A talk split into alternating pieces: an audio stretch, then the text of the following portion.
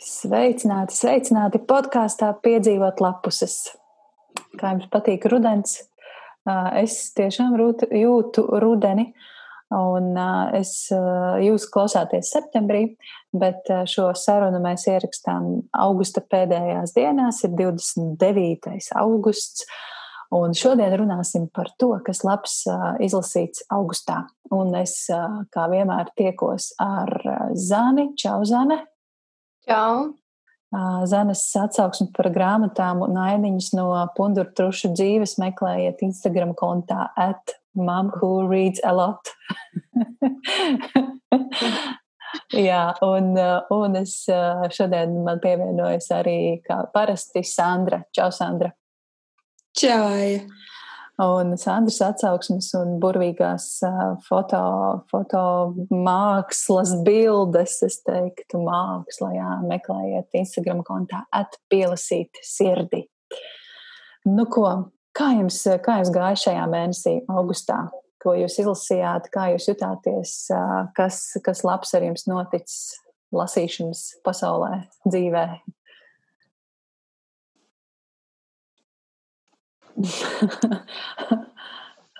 Jā, nu labi. Ja jau, ja jau pundura trusīšu saimniece uh, saka, ka man jāsāk pirmā runāt, tad uh, tā lai arī būtu. Uh, augusts man bija tāds ļoti, ļoti bagāts grāmatu mēnesis. Man liekas, man neviens gads nav bijis tik bagāts, jo man spieda gan bibliotekas termiņi, man spieda arī grāmatu iepirkšanās, un jebkurā gadījumā grāmatu kaudze man, man nu, es tik daudz nebiju lasījis vienā nu, mēnesī. Nu, pasaka, pasaka, cik tu izlasīji? Es nezinu, es neesmu skaitījis, bet man liekas, kaut kur 20, ap 20 varētu būt. Uh, es, es rītdien uztaisīšu apkopojumu, jo es neesmu saskaitījusi. Mm. Pārsvarā es jau biju sabijusies, un es domāju, par ko tad es stāstīšu, jo, nu, kā jau varbūt jūs zinat, tas diezgan kritiski un bargi vērtēji. Man reti ir piecas zvaigznes piešķirt. Tas visaugstākais vērtējums manā iedomātajā skalā.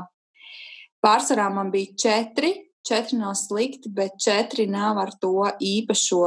Es saku, tā ir tāda kaut kāda grāmatmaņa, kaut kāda septītā, astotā maņa, ka lasot tās sajūtas ir, es nezinu, vai tā var salīdzināt, bet, bet teiksim tā, ja mēs salīdzinām grāmatu lasīšanu ar, ar seksuālo pieredzi, tad mm. varbūt jauks seks un jauks attiecības, bet, ja ir seks bez orgasma, tad ir tā vēl sestā lieta, kad grāmata īpašais, kā, kā teiksim, seks ar orgasmu, tad tas ir tas grāmatu īpašais, par ko es piešķiru piecas zvaigznes.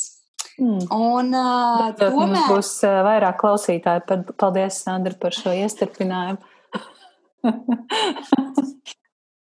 Tas ir jāliek šī podkāstu nosaukumā, lai zinātu, kad būs uh, iestarpināts šis salīdzinājums. Bet es tā tiešām to tā, to tā varētu salīdzināt. Bet tomēr man bija divas grāmatas ar piecām zvaigznēm.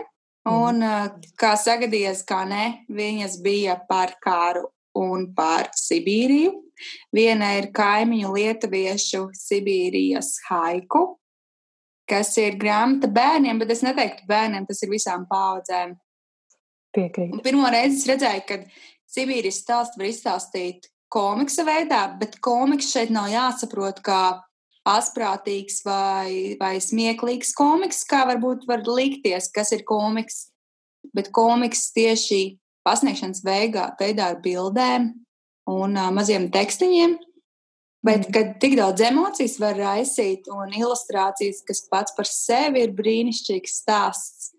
Tā ir grāmata, ko es gribētu, lai katram ir plauktā, ko var dāvināt. Un, un ļoti, ļoti skaista, ļoti skaista un ļoti emocionāla un ļoti bēdīga un tie pašā laikā ļoti brīnišķīga grāmata. Tos visiem ieteiktu gan dāvināt, gan arī pašiem izlasīt un bērniem, priekš bērniem izlasīt. Un otra ko man sanāca, ir pagājuši vismaz kaut kādi divi gadi, kopš es beidzot uh, viņu otro reizi turēju savās rokās. Tā ir grāmata uh, Čehu autoris Hanna. Pirmo reizi viņu uh, turēju rokā savā nelasīšanas laikā un domāju, ak, Dievs, kā man gribas izlasīt šo grāmatu. Bet tas man bija tas posms, kad es neko nelasīju. Un, lai cik man ļoti gribētos, es viņu vienkārši es viņu nodevu atpakaļ bibliotekā un es viņu vispār neiesāku. Jā, tas, tas stāsts bija pārsteidzošs, interesants. Un, um, man ļoti patika gan, uh, gan tie pavērsieni un, un žanrs, un tas arī ir gan par karu un uh, salauztām dzīvēm. Un, uh, un, un, un diezgan bēdīga grāmata, bet katrā ziņā tā arī ir viena, ko es ieteiktu tiem, kam patīk vēsturiskie romāni vai drāmas, vai jebkurā gadījumā arī mīlestība un likteņu stāsti. To es noteikti ieteiktu izlasīt. Vēl viena grāmata, ko es gribu ieteikt, tā gan uh, nav saturiskā ziņā grāmata, ko es gribu ieteikt, bet tieši vizuālajā nozīmē. Tā ir bērnu grāmata Teātris kaimiņos. Tā kā es esmu izlasījis tik daudz grāmatas, es neesmu vienkārši ielikusi. Man ir kādas 20 atsauksmes, kas gaida rindā, bet man viņas nav ievietotas. Un šī grāmata ir vienkārši vizuāls baudījums. Ja, teiksim, ir bērnu grāmatas, skaisti attēli, skaisti zīmējumi, skaistas ilustrācijas, bet viņas ir savā ziņā bērnišķīgas. Tad ir otrs tips ar grāmatām, kas ir, e, es viņas nevaru nosaukt vai gleznas, jo katra tā, at, tā ilustrācija ir tik detalizēta, tik skaista. Es viņu varētu piekārt sev pie sienas un stundām uz viņām lūkoties. Tas grāmatas formāts, kas man šķiet ir A3, nu, viņa nav standarta A4 vai A, A5 formāta grāmata. Viņa ir arī reliefains vāks un papīrs. Un, un kad, nu, tas ir, tas ir, tur nav pat runa par to stāstu, par stāstu var eh, tur strīdēties vai nē, bet tas vizuālais baudījums, kad es to grāmatu paņēmu rokās un skatījos, es nezinu, vai tik daudz bērniem tas izsauc tās emocijas, kā man izsauc, jo es pētīju tās detaļas un tās ogas, viņa ir tik ļoti rudenīga, tur ir tik daudz detaļu. Es, es tiešām es par šo grāmatu es viņu fanoju, un šķiet, viņu ir izdevis Pikabook. Es nezinu, kas ir īsti Pikabook, un acīm redzot, es skatījos, ka dāvā augškāpu salikums, vai es, man liekas, ka tie, viņi ir kādi ļoti lieli grāmatmīļi, kas grib atnest skaistus stāstus latviešu auditorijai.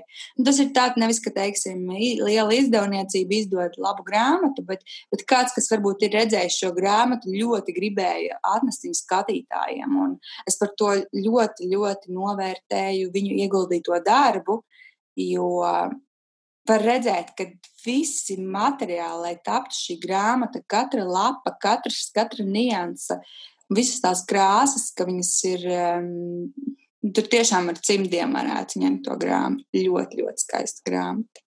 Skaidrs, pārdots, pārdots. Es jau sameklēju, kā izskatās, un, un meklēšu kaut kur veikalos, skatīties un, un varbūt nopirkt. Nu, skaisti. Jā, es pilnībā piekrītu par Sibīrijas haiku. Es domāju, ka tai grāmatai jābūt jebkurā, visos grāmatu plauktos. Un, un, un, jā, tas kā es pat drīzāk to sauktu nevis par komiksu, bet par, kā tagad saka, grafiskais stāsts. Jā, jo, jā, komiksam ir mazliet tas kaut kāds, tas, tam vārdam ir tāda pieskaņa, kas liek domāt, ka tas būs kaut kas ļoti jautrs un amizants. Uh, kas gan arī tur tajā grāmatā ir. Bet jā, tas ir tāds jau nopietns grafisks stāsts ar glītiem zīmējumiem, arī mākslinieciskiem. Un, protams, Hāna ir viena no manām mīļākajām grāmatām vispār, ko es esmu lasījusi.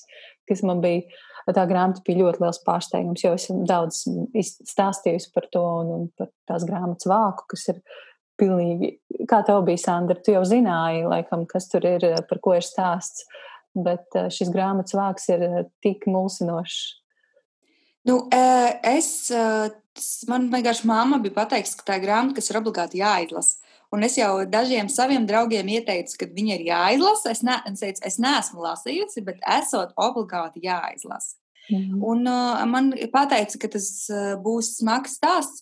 Un cik pēc tam svītrām uz grāmatas es sapratu, ka tas domāts kā ir ka tā svītrēnā nevis pidžama, tas uh, tērps ieslodzīto. Un, uh, jā, tā kūka ir mulsinoša, bet pirmajā nodaļā tur viss top ļoti skaidrs un, un ļoti saprotams, kāpēc tas vispār ir. Tā, mm. ka tā kūka bija tāda Nu, ļoti simboliski, es teiktu, jā. Protams, protams. Bet es, es to grāmatu ņēmu lasīt kā kaut kādu jauniešu mīlestības stāstu. Pilnīgi ko? Nē, tas man tāds šoks bija. Tas tā grāmata bija pilnīgi kaut kas cits. Jā.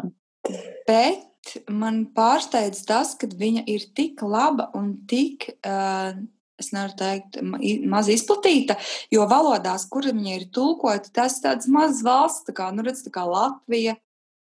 Viņa nav aizgājusi tautā, jo tajā pašā laikā cilkas stāsts un Aušvits tetovētājs, viņi aizgāja kā science rocket, vienkārši kosmosā aizlidoja, filmas izdot, bestsellers, visās valodās tulkota. Un šī čehu kas, es teiktu, savā ziņā ir ļoti unikāla, jo e, par to pašu stāstu ir pagriezts, jo tur tas stāsts par to saslimšanu, par epidēmiju un maziem ciematiem ir kaut kas e, tāds, ko es nebiju lasījusi. Un e, man tas likās ļoti interesants pavērsiens, kur tajā kara tēmā kaut kas pilnīgi netipisks ielikts klāt. Mm. Un līdz ar to es, teiksim, šo grāmatu gribētu, lai viņa aiziet kā kosmosā, un lai viņi tulko vairāk angliski, teiksim, lai viņa nu, visās valstīs kļūst populāra un, un nezinu, uzņem filmas, jo viņa ir tiešām ļoti, ļoti laba. Mm. Jā, es piekrītu. Ļoti laba grāmata, un, un šajā kontekstā es vēlos jums abām un klausītājiem ierunāties par izdevniecību Pētergēlis, kas ir tāda Tad diezgan klusa izdevniecība. Viņiem nav konta Instagram, viņiem ir lapa Facebook, bet šī, šai izdevniecībai ir ļoti labas grāmatas. Hanna ir viena no tām. Pēter Gēlam ir arī burvīgas bērnu grāmatas. Esmu izlasījusi triloģiju, triloģiju, ja tā var saukt, vaboļu, vaboļu kauja. Tas bija trīs grāmatas bērniem par vabolītēm. Un, ne, ne par vabolītēm, nē, citādāk to pateikšu. Bet tur ir puika, kuram interesē vaboļu pasaule, un tad tur ir tas, tas sliktā, sliktā varone, kas grib iekarot pasauli, pārvēršoties par vaboli. Vienādi sakot, ļoti interesanti tādiem, nu, 12, 13 gadīgiem, 11 gadīgiem jauniešiem, kam patīk cīņas, kaut kāda mazliet fantastika, bet tāpat laikā arī šis tas par dabas zinātnēm, konkrēti par vabolēm, manuprāt, ļoti laba grāmatu sērija. Un, jā, par Pētergālu runājot, nu pat, nu pat viņiem ir iznācis jaunums no, Nīderlien, no Nīderlandes autoras darbs Brāļi, ko es ļoti gribu izlasīt bērnu grāmata laikam, seši vai pieci brāļi, un tad uh, stāsta tas mazākais, jaunākais no savas skatu punkta. Bet es neko vairāk, diemžēl, nezinu. Es uh, visu laiku eju šodienas grāmatnīcu un meklēju, kad tā grāmata būs pieejama nopērkama, bet manā pusē vēl nav. Es gribu nopirkt un izlasīt. Uh, un un, un ir vēl arī vēl viens jaunums. Punktiņš un komate, bet es varu arī kļūdīties ar grāmatu bērniem par pieturzīmēm par pieturzīmu pasauli. Es uh, varbūt atradīšu vēlāk un pateikšu konkrēti, kā to grāmatu sauc. Nu, tā, tā kā uh, pievēršam uzmanību Pētergailim, jo tur tiešām ir ļoti, ļoti laba literatūra gan bērniem, gan pieaugušiem. Jā, Sandra. Un starp citu, man liekas, ka Pētergailim bija arī tā grāmata Ezers. Jā, jā. jā. Tā arī ir viņiem. Mm. Un vēl par Nīderlandi runājot, vispār man Nīderlanda ir kaut kāds tāds jaunatklājums, jo pēdējā laikā no viņiem nāk kaut kas tāds ļoti mūsdienīgs, aktuāls, par sociālām tēmām, mm. aizskarošs, arī jauniešus iekļaujošs. Un, starp citu, vakar es arī uh, tieši ieliku stāstu, kad arī Nīderlandietis uh, Nīderlandietē, Nīderlandietis, jo viņš eh, savu dzimti negrib afišēt, ir eh, dabūjis Bukera balvu kā labākais tulkotais darbs, un mm. viņš arī raksta par smagu tēmu. Un, cik saprotu, arī daudz kas ir eh, no biogrāfijas, jo viņa ir autora, kura jūtas kā vīrietis, un viņa negrib afišēt, lai sauc viņu jebkādā dzimtē. Un, jebkurā gadījumā, šis autors teica, ka vecākiem ir nepieciešami vairāki gadi, lai viņi saņemtos izlasīt viņa grāmatu, jo tas esot pārāk personisks. Un, nu, katrā ziņā tur ir arī ģimenes konflikts un sakarā ar to viņa identitāti. Un, cik saprotu, arī vecāki tur ir aizskarta reliģijas tēma. Un tā kā vecāki arī ir reliģiski, tad viņiem bija eh, ļoti smagi lasīt to grāmatu, jo tur runā gan par reliģiju, gan par uh, zaudējumu. Un šī ir tā grāmata, ko es ļoti, ļoti gribētu, ka latviski tādu arī kāds iztulko, lai eh, mums ir iespēja to lasīt latviski. Un, ja nē, tad meklēšu angliski un likšu arī jums lasīt angliski.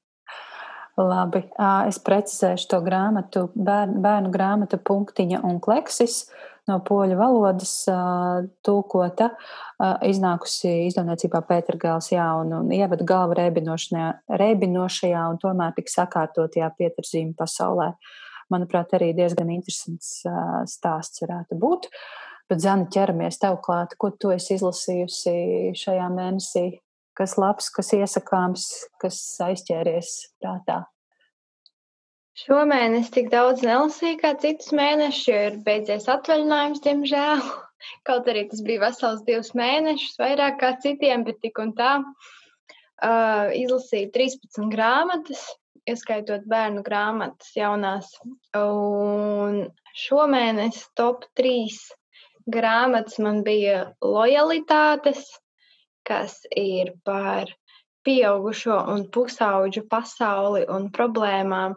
Vienīgais, kas man nepatika, ka šīs problēmas tā arī netika atrisinātas, bet, nu, manuprāt, jau arī jebkura dzīvē reti, kad viņš savas problēmas atrisina. Vienalga, vai tas ir kāds, kāda bērnības trauma vai kas, cilvēks tā arī turpina ar to traumu dzīvot un, un tur nav nekāda atrisinājuma. Bet jā, man šī grāmata patika, jo tā bija tāda ļoti reāla, tāda dzīvīga. Katrs izstāstīja to savu stāstu un sāpju bez nekādas cenzūras, tieši tā kā tas ir. Un noteikti iesaku vecākiem un, un, un skolotājiem ir īpaši izlasīt. Un, un es domāju, ka katrs atradīs kaut ko priekš sevis, ko paņemt līdzi. Tad pusauģu grāmata, vai 9, plus, manuprāt, paks par uh, puiku un lapsēnu, par viņa pieredzināto lapsēnu. Un sākās karš, un šis lapsēns ir jāatstāj mežā, jo tā liek viņa tētis. Un pats puisēns dodas dzīvot pie sava vectēva, jo tēvs iet karā. Un puika uzreiz, kā nonācis pie vecāka, saprot, ka viņam nevajadzēja šo lapsēnu atstāt. Tātad visas grāmatas gaitā viņš dodas meklēt šo lapsēnu. Un, un arī otrs stāsts no lapsēna puses, kā tieši šī pieredzinātā lapsa jūtās pēkšņi izmesta mežā, kur viņa nemāk ne medīt, ne atrast ūdeni, ne sameklēt sev pajumti, neko. Kā arī ļoti patika, ka bija pieminēti dzīvnieki kara laikā, kā jūtās visi šie pieredzinātie kaķi un suņi, kad viņu saimnieki iet prom no mājām, kad viņus nogalina, kā viņi izsalkuši, staigā pa ielām, palikuši vieni tukšās pilsētās. Nebija nekur īsti lasījusi, ka ir pieminēti dzīvnieki kara laikā, ko viņi dara, kā viņi jūtās. Tāpēc tas man šķita ļoti jauks pavērsiens grāmatai. Kā arī lasot grāmatu, man jau bija izveidojies tas, kādas varētu būt beigas, bet izrādās, ka tā nemaz nebija. Tad es sāku raudāt, jo, jo vienmēr jau iztēlojos, nu, jā, būs rīktīgi skaistas un labas beigas, un tu lasi, un kā, bet es domāju, ka būs tagad tā. Un, un tā nebija. Neteikšu, kā beidzās, kādam sabojāšu prieku, bet jā, ļoti jaukas beigas, bet man tik un tā bija nedaudz skumji. Tad uh, pavisam jauns Latvijas mēdīju um, psiholoģiskās spriedzes trilleris Elpo. Sen nebija lasījis psiholoģiskās spriedzes trilleris, un, un, un kaut, kas, kaut kas manī kaut kas manī lika viņu lasīt visu nakti. Gribēju zināt, kā beigsies, kas notiek, jo man ļoti patīk grāmatas, kur uh, tu nevari saprast, vai tas galvenais varonis viņš ir traks vai nē, vai arī pārējie cilvēki mēģina viņu uztaisīt par traku. Kaut kur arī bija, saka, ka tu esi mana, manuprāt, arī tur bija tas, kad uh, tā mamma, kas meklē savu meitu, tad nevar saprast, vai viņa ir traka un vienkārši svešai meitenei mēģina pateikt, ka tu esi mana meita, vai tomēr tā viņas māte, kas viņu bija toreiz nozagusi, ka, vai tā tomēr ir traka. Un šeit arī ir līdzīgi, jo meitene Nīle uh, ieiet veikalā un, un uh, viņas līga vainis pēkšņi pazūd. Viņa iznāk no kabīnes, un viss viņa vairs nav. Viņa nevar viņu sazvanīt dienām ilgi. Viņa iet pie viņa bijušās sievas, kura viņam viņa nocēla to vīrieti tai sievai, un tāpēc viņi izšķīrās. Tad tur viss kaut kas notiek, un tad viņi it kā parādīja kādu traka, jo viņi to sievieti arī tur piekāva vienā brīdī.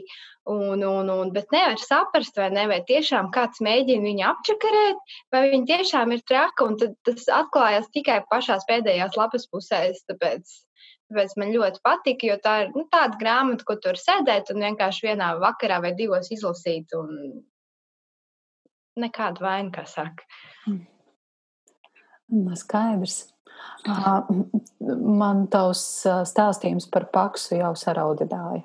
Man liekas, jau jā, jau tā, tā doma, ka tie dzīvnieci paliek un, un gaida, un tie suņi ir tik uzticīgi, un, un tas ir briesmīgi. Jā.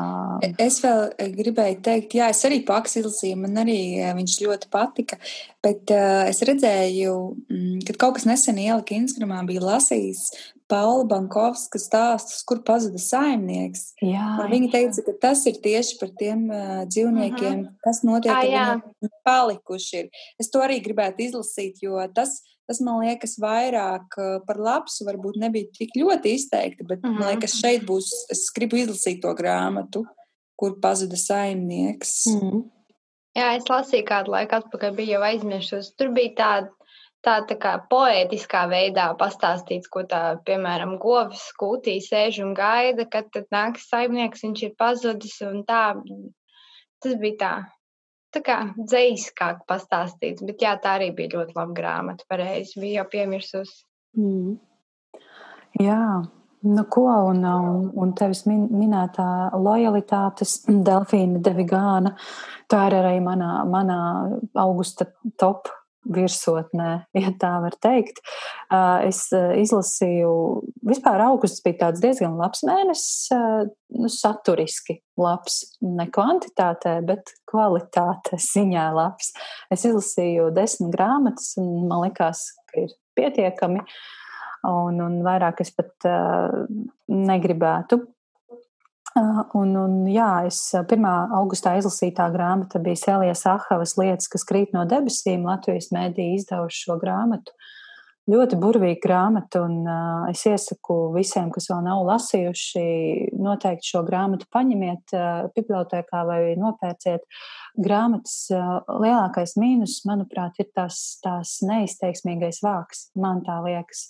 Jo, ja es nebūtu Instagramā izlasījusi Rasas uh, Bugavičūtas pēces atsauksmi, kur viņi iesaka ka, un saka, ka šī ir ļoti laba grāmata, es diez vai viņu paņemtu lasīt. Manuprāt, nu, nu jā, ja vien jūs nebūtu ieteikuši tam, vai kāds cits atkal nebūtu, būt, nebūtu jā, uzrakstījis ļoti labu atsauksmi. Un uh, paskatoties uh, citus uh, vākus, kā, kāda ir šai grāmatai, citās valodās, manuprāt, ir tie mazliet veiksmīgāki varianti, kas piesaista vairāk uzmanību.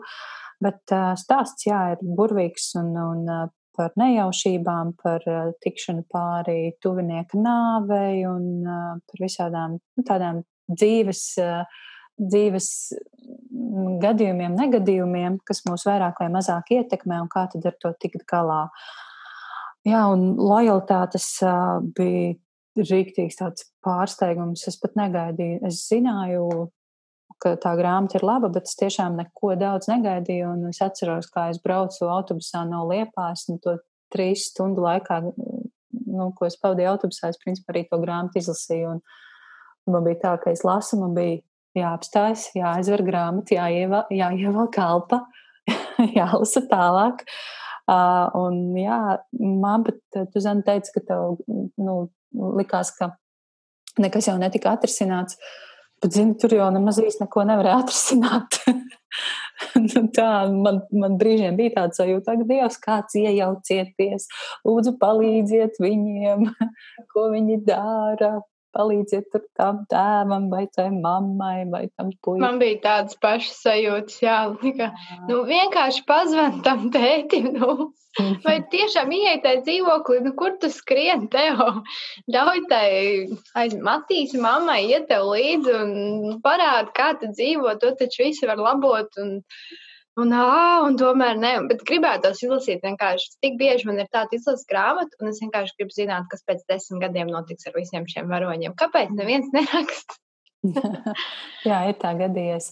Man gan vairāk interesē citas šīs autors grāmatas, un Sandra jau ir kaut ko dabūjusi. Tu jau sāki lasīt, vai vēl nē?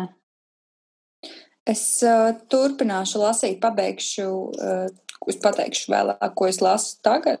Mm. Un, jā, man tāds vēlme turpināt. Un, ja arī tā man patiks, tad meklēšu vēl ko. Mm. Jā, es, es kaut kādā vienā krievu, krievu Instagram kontā lasīju labu atsauksmi par vienu viņas grāmatu, bet vairs nevaru. At... Ah, nē, Blagadarnasts, pateicība. Lūk, tāda. Mm -hmm grāmata. Esmu arī Delfīnas Devigānas, ļoti laba. Nu tā, jā, es izlasīju arī Marijānas Lekijas, ko var redzēt no šejienes, kas man arī diezgan labi patika, bet uh, netika labi kā lojalitātes, piemēram. Nu tā. Un, protams, Evas Hietamīs tētis uz pilnas lodzi man bija nu, tā, vienkārši baudījums tā grāmata. Bija ļoti, ļoti patīkams baudījums. Man patika lasīt, man patika uh, dzīvot līdz šim tētim, kas palicis viens pats ar to mazo, mazo, mazo uh, bērnu uz rokām. Un, bet uh, jā, es jau savā atsauksmē rakstīju, ka visu laiku es paturēju prātā, ka tomēr raksta autori ir, nu, grāmatas autori ir sieviete. Un, un tad liekas, tas tāds atriebības plāns. Šeit tev tu nelietīgais vīrieti, tu, kas nevari būt kārtīgs tēvs, saņem tagad. nu tā.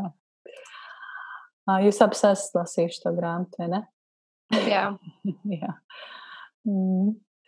Ai, mēs taču pārspriedām. Jā, jā, jā, mēs, mēs runājām. Tu man Tev jau priekšā vēl otrā daļa, tad ir tētis diviem. Jā, tā ļoti... ir, man liekas, kur mēs nesam. Kuru mēs neesam vinnējuši savā konkursā? Kur jūs neesat? Es ļoti atvainojos. Es varu jums aizdot, ka, kad kolēģi izlasīs. Viņi ilgi lasa. Es ceru, ka tu šo klausies, Elīna. Atdod man grāmatu.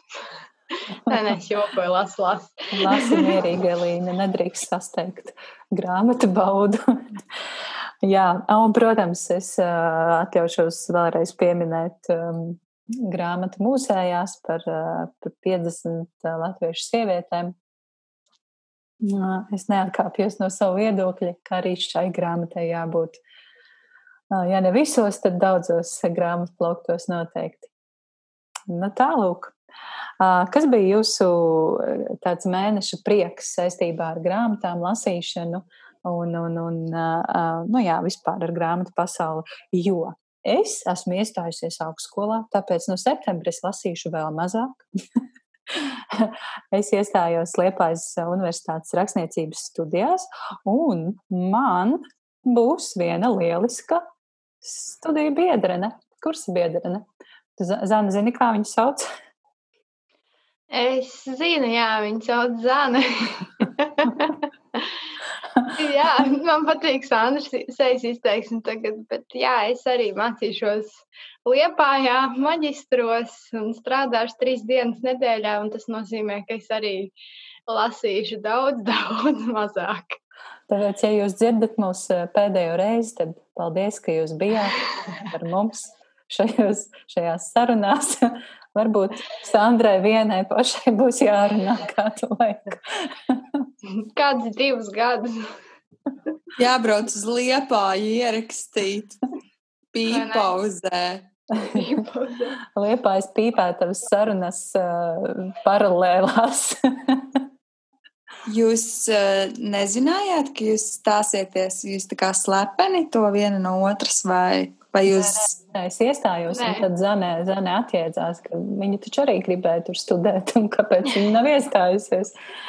un tad es papildu iestāšanās laikā pieteicos, un es arī tāpēc studēšu. Nokavēju budžeta vietas, bet, nu, ceram uz rotāciju. Ceru, ka Aija izritēs ārā. Aija, es negribētu. Bet, jā, es ceru, ka kāds cits varbūt ies projām. Nu, šī tāda pavērsiena es vēl nebiju gaidījusi. Tā ir intriga, vai ne? Manuprāt, mēs varam katru mēnesi. Tas nozīmē, ka nākamgad es lasīšu jūsu grāmatas izdotās. Jā, kā tad? nu, nav jau tā, ka jābūt rakstniekam. Mērķis kaut kādam jābūt kādam mērķim, taču kādam mērķim jābūt nospraustam. Hmm. Kāds ir tavs mērķis, Zana, šajās studijās? Mans mērķis studijās ir sarakstīt grāmatām. Oh, Bet kā? arī vienkārši paplašināt zināšanas par grāmatām, un dramaturģiju, un dzēju un visu pārējo, par ko es daudz ko nezinu, bet lasu tik daudz grāmatas, lai man ir vieglāk komentēt, ko es lasu, un, un, un, un lai es vispār saprotu, ko es daru citreiz. kad ir tās grāmatas, kad man liekas, ka man ir pārāk maz, maza smadzeņu kapacitāte, kad nesaprotu, kas tur notiek, tad varbūt pēc maģistra studijām es beidzot sapratīšu. nu, nu, kādā žanrā tu gribi uzrakstīt grāmatu? Vai tev jau ir no, kaut kāda ideja? Man ir kaut kādas 50 idejas, bet šobrīd tas noteikti ir uh, pusauģu vecumā kādu fantāzijas gabalu.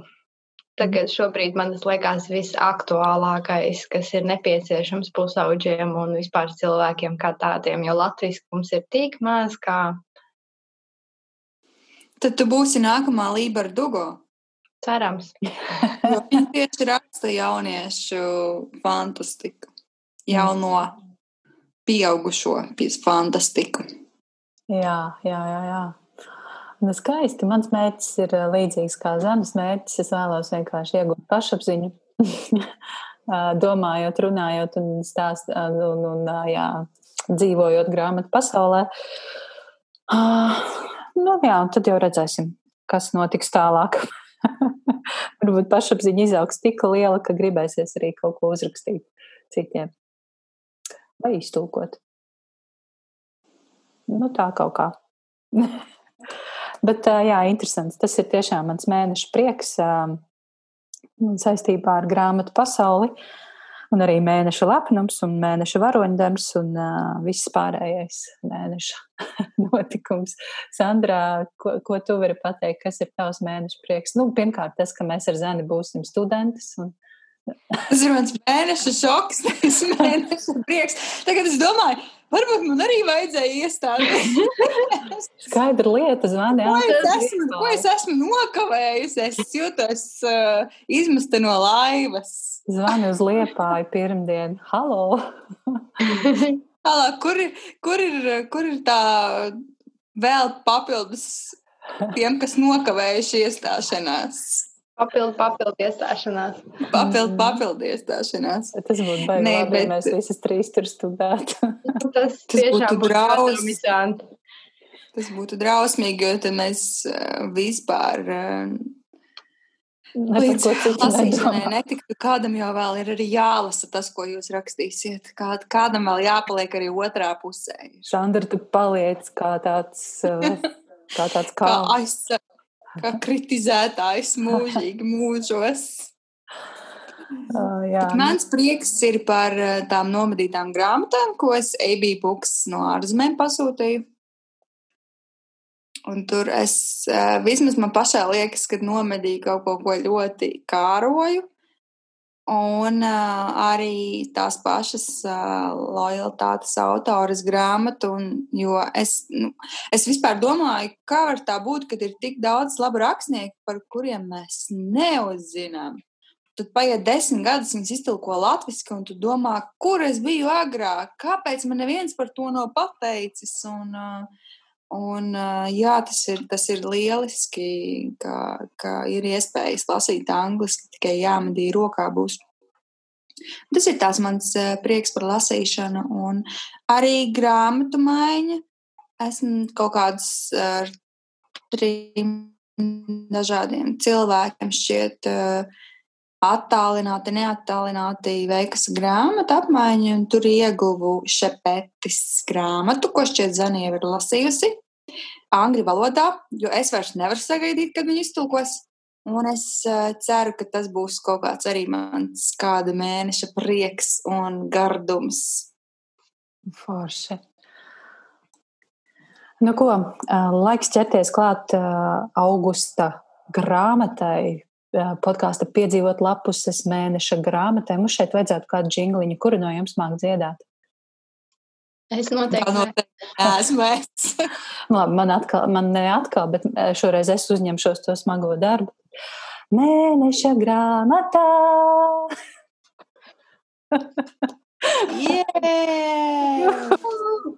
Labi, šomēnes mēs trīs, un vēl kāds viens cilvēks ar mums, ar mums kopā, varbūt divi.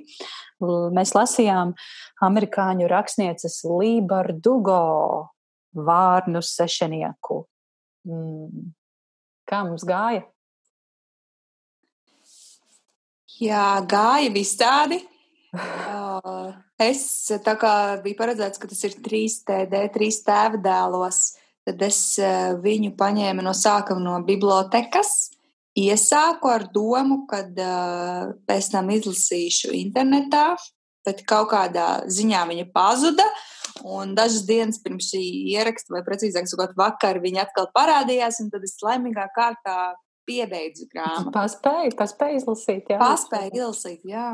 Es arī vakar vakarā ļoti, ļoti vēlu kaut kādos pusvienos beidzu lasīt pēdējās lapuses. Un, oh, ir paspēja tomēr, jo, jo man, es biju arī ļoti rēķinājusies, ka tā grāmata ir trīs tēva dēlos. Un, un nu, atliku, atliku, atliku, jo vēl taču tik daudz laika. Un, un, mm, jā, un pēkšņi man Sandra raksta, klau, tur tās grāmatas nav. Ko darīsim? Un tad bija tāds šoks.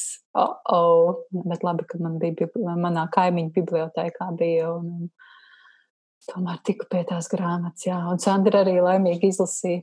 Bet vislabākā plānotāja bija Zana, kas izlasīja jau kaut kad pirms divām nedēļām kā kārtīgs cilvēks, apzinīgs.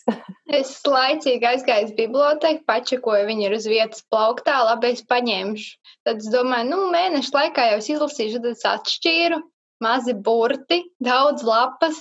Nē, nē, es nezinu, kā beigsies atvaļinājums, vai es šito paspējuši, nepaspējuši, tāpēc ķēros klāt. Sākumā gāja grūti, bet tad jau, kad tu ieejies un tu saproti, kas ir kas un kas te vispār notiek, tad jau aiziet. Mm. Tā tad uh, grāmatu latviešu ir izdev, iz, izdevusi izdevniecība Prometējs.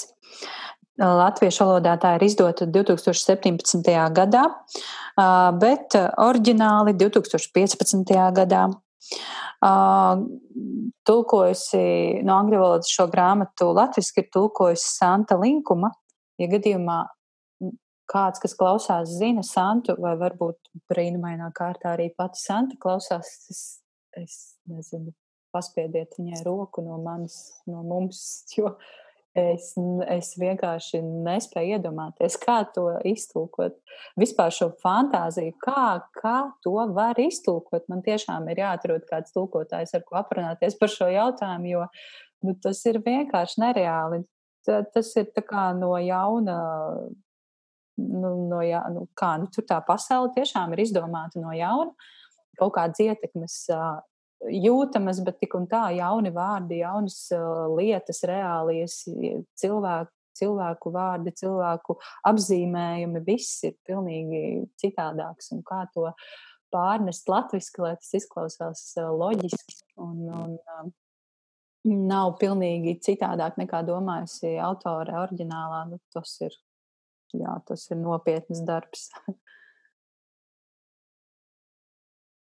Jums nav pārdomas par šo. Jūs nedomājāt par tulkošanu, lasot grāmatu? Par tulkošanu noteikti, jo es vispār domāju, nu, laikam jau tomēr jālasa oriģināla valodā. Jo savādāk pēc tam, ja tu lasi grāmatu, piemēram, tulkojumu, ko būs tulkojis cits, vai tā kā viņai šī izdomātais tas uh, Grīševers, tā kā univers, tas Grīša univers uh, ir uh, arī citās grāmatās, un tās, teiksim, būs iztulkojis cita izdevniecība un cits tulkotājs. Tad jautājums, ja viņš būs iztulkojis savādāk, ko lasītājs ar to padomās? Nu, tādā ziņā var būt diezgan uh, Jo, teiksim, cits tulkotājs teiks, nē, šis nav pareizs, šitā nē, šitā mēs netulkojam. Līdz ar to var diezgan tas lasītājs būt apmulsis. Tādā ziņā, ja tu zini, kas ir grīševers un visi tie pārējie, es pat paklausījos arī, kā pati autori sauc tos tēlus. Viņiem visādas video ir ierakstījusi, kur viņi stāsta par tiem tēliem un stāsta visus tos nosaukumus. Viņi, protams, izklausās savādāk un uzreiz arī kaut kādas savādākas asociācijas. Ja tad, kad es eh, lasīju latviešu grāmatu, tas krieviskais veids un krieviskā, kā, kā viņi saka, tā um, nu, krieviskais nu, stils, bet daudz tie vārdi, es viņus vispār tur nejūtu. Es, es nesaprotu, par ko, par ko vispār iet runa. Bet tad, kad autors sāka saukt tos vārdus nu, visās tos apzīmējumus, kas ir kas, eh, kurā vietā ir. Es domāju, wow, tiešām tie taču ir tādi, nu, vismaz tā kā krievu, krievu izdomātie vārdi un kaut kas tamlīdzīgs. Ne, lasot, tad, lasot, man bija tāda sajūta, vai autorē gadījumā nav krieviskas, nu, slāviskas saknes, jo, jo tiešām ļoti, nu, tieši personvārdos un kaut kādās lietās parādās nu, slāviski akcenti. Un pēc tam es tikai, jā, izlasot grāmatu un lasot par to, es uzzināju, ka viņa ir ietekmējusies no krievu kultūras un kaut ko no tā, visu kaut ko paņēmusi. Uh, Tas tā interesanti. Bet uh, interesantākais ir tas, ka um, tajās atsauksmēs gudrīts un vispār tajā vērtējumā tieši tā kā tā ir amerikāņu kultūra un uh, Amerikā dzīvojoša autora, kaut gan viņa pati ir no Izrēlas, tā kā dzimusi Izrēlā. Viņiem tā krievu izjūta ir tāda, nu, ziniet, kā skatīties amerikāņu filmas, un tur ir tas krievs, kurš nemāk krieviski, bet visi, jā, šī tas ir krievs, un kā viņš lamājas tur nožici, un vi, kaut kā tādas vārdas iznāv. Un mēs, kas tā kā kaut kādā ziņā vismaz saprotam to, to krievu kultūru, jo dzīvo viņam blakus, liekas, Kas tas pa krievu? Kā, kas tas par sviestu? Kad nevar pateikt normāli. Nevar, nevar pateikt normāli. Jā. Un kā lamājas eh, kaut ko tur.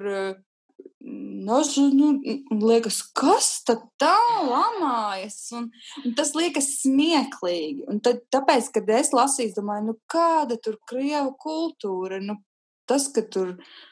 Nu, nu man tas likās. Uh, Es to tā neizjūtu, man tas bija pārsteigums, un es to vispār nejūtu. Bet tad, kad viņa pati izrunāja tos vārdus, tad, kad viņa izrunāja, tad es domāju, wow, tiešām viņa kaut ko mēģina krieviski pateikt. Nu, ne gluži sanāk, bet nu, vismaz uz to pusi ir. Mm. Un, un vispār interesantais ir tas, ka viņa ir pati autori, kā jau teicu, viņa dzimis Izrēlā. Viņa dzīvo tagad Losandželosā un gan Holivudā, bet viņai tās saknes, cik es saprotu, ir gan spāņu, gan marakāņu, gan lietuviešu, gan krievu. Viņa ir īstenībā ļoti liels sajaukums. Tāpēc viņai varbūt ir arī tā interesantā fantāzija un visas tās uh, asiņu un vēstures sajaukums. Un, ja mēs vēl runājam par pašu autoru, es teiktu, ka viņa ir ļoti unikāla personība. Tādā ziņā, ka daudzpusīga. Viņa pati beigas ir Jēlas universitāti un uh, strādās arī kā žurnāliste. Uh, bet, kas ir interesanti, viņa ar uh, citu pseidonīmu, tā kā pirmie iniciāļi LB, un es aizmirsu pēkšņi vārdu, viņa ir arī make-up artists. Bet make-up artists ne tikai vienkārši, bet kas specializējas arī uz, um, nu, ziniet, tad, kad filmās, teiksim, nezinu, tur dragons jāuztaisa un mm. specifektiem. Kā, jā, specifektu make-up artists. Un plus viņa ir vēl dzied grupā Captain Automatic. Mm. Uh, tā varbūt nav pati populārākā grupa, bet jebkurā gadījumā viņai tās intereses ir dažādas. Un, um, protams, viņa skaitās, viņai tie grāmatas, ko viņa sarakstījusi, viņai tās apbalvojumi ir tik garš saraksts. Bet nu, tas vien, ka viņa ir eh, New York Times bestselling author, tā kā autora, un viņas grāmata 2019. Eh, gadā uh, saņēma Goodreads Choice Winner fantāzijas žanrā. Tas jau vien nozīmē, ka, ja lasītāji viņu novērtē kā labāko autoru, tas vien kaut ko, tas ir milzīgs sasniegums. Un plus vēl arī uh, Stevens Kings, viņa tai pašai grāmatai, kas minēja Gudrīts, ir patei uzrakstījis, ka tā ir vienkārši tur lieliska un izcila. Un tas, man liekas, viņa vien norāda to, ka uh, tie, kas tajā žanrā dzīvo, par to fano, un tā ir visa viņu pasaule, viņi tiešām mīl šo rakstnieci. Tiešām mīl. Par kuru grāmatu viņi saņēma uh, to gudrības choice uh, balvu? Es to pateikšu, viņas saucās The Ninth. Um, es varbūt drusku vēlāk. Nē, Jā, es pateikšu. Ninth House, tā kā devītā māja. Tas ir no tā Shadows and Bone. Shadow and Bone triloģijas vai, vai kaut kas atsevišķs? Nē, viņa ir atsevišķa un uh, viņa ir tā kā pēdējā, kas ir iznākusi viņai. Mm. Un mēs jau zinām, ka uh, se, seši vārnu sešinieks ir uh, duoloģija, bet mm. autori ir apsolījusi, ka tā būs triloģija, ka viņi sarakstīs uh, trilo, trešo daļu. Mm. Kad to viņi izdarīs, tas vēl nav noteikts, bet nu, visi fani ļoti gaida, jo viņi tiešām ir apsolījusi. Un vēl runājot par to, ka fani visu laiku runā, ka kā šis varēja netikt vēl uzņemts, jo viņiem tik ļoti patīk šis Grīševers un visa tā pasaule, tad tas nu ir noticis un pašlaik notiek uzņemts seriāls, mm -hmm. ko parādīs Netflixā. Un es, kā fantāzijas žanra TV iemīļotāji, nevis grāmatu, bet TV iemīļotājs ļoti gaidu, jo es nespēju pat iztēloties tēlus, ja man nav konkrēti aprakstīts, kas viņš ir. Bet šis seriāls nebūs uh, tikai par Six of Crowns, nu, par vārnu svešinieku, vai, uh, bet viņš būs apkopojumā, kad ir saliktās uh, Shadow, and, Shadow and Bone un Six of Crowns. Viņi tā kā bija kombinētas kopā gan tā duoloģija, ko mēs tagad lasām, gan arī uh, Šarava Mots, viss notiek tajā Grīša versa, tajā viņas izdomātajā pasaulē. Viņas tiks sakombinētas un par to tiks uzņemts seriāls. Nu, viņš pašlaik tiek uzņemts, kad viņš tiks uh, izlaists, uh, tas vēl nav uh, zināms. Jā, Bet, viņš ir patiesībā seriāls jau ir uzfilmēts, viņš ir pēcapstrādes stadijā, bet viss ir apstājies, nu, principā, laikam, Covid dēļ. Un Netflixā ierakstot meklētājā jūs šo seriālu, tur var atrast, ka tāds ir. Tur jau ir ielikts, bet nu, tur tikai uzraksts. Pagaidām tikai uzraksts Shadow and Bone, tā to sauks. Bet jā, pagaidām viss ir apstājies. Bet, ja jūs gribat zināt, kā, kā apmēram varētu izskatīties vārnu sešnieka galvenais varonis, kas Brakers un, un Ineža, un, un kas tur vēl ņīna, tad tie aktieri jau ir piemeklēti visi un var apmēram vizualizēt, uh, lasot. Tā. Es jebkurā gadījumā gaidīšu šo seriālu, jo vairāk par grāmatām man tiešām interesē. Jo tad, kad es redzu arī jau traileri, man tas viss tā ievelk un uh, man patīk, ka tas viss ir parādīts ar skaņu efektiem, ar mūziku, ar, ar aktieriem. Es ļoti gaidīšu, kad uh, būs šis seriāls. Es lasot, domāju, nu jā, tā būtu ļoti labs materiāls filmai, seriālam. Bet, manuprāt, tur ir divi varianti. Vai nu tas būs kaut kas ļoti labs, vai tas būs kaut kas ļoti drāmīgs.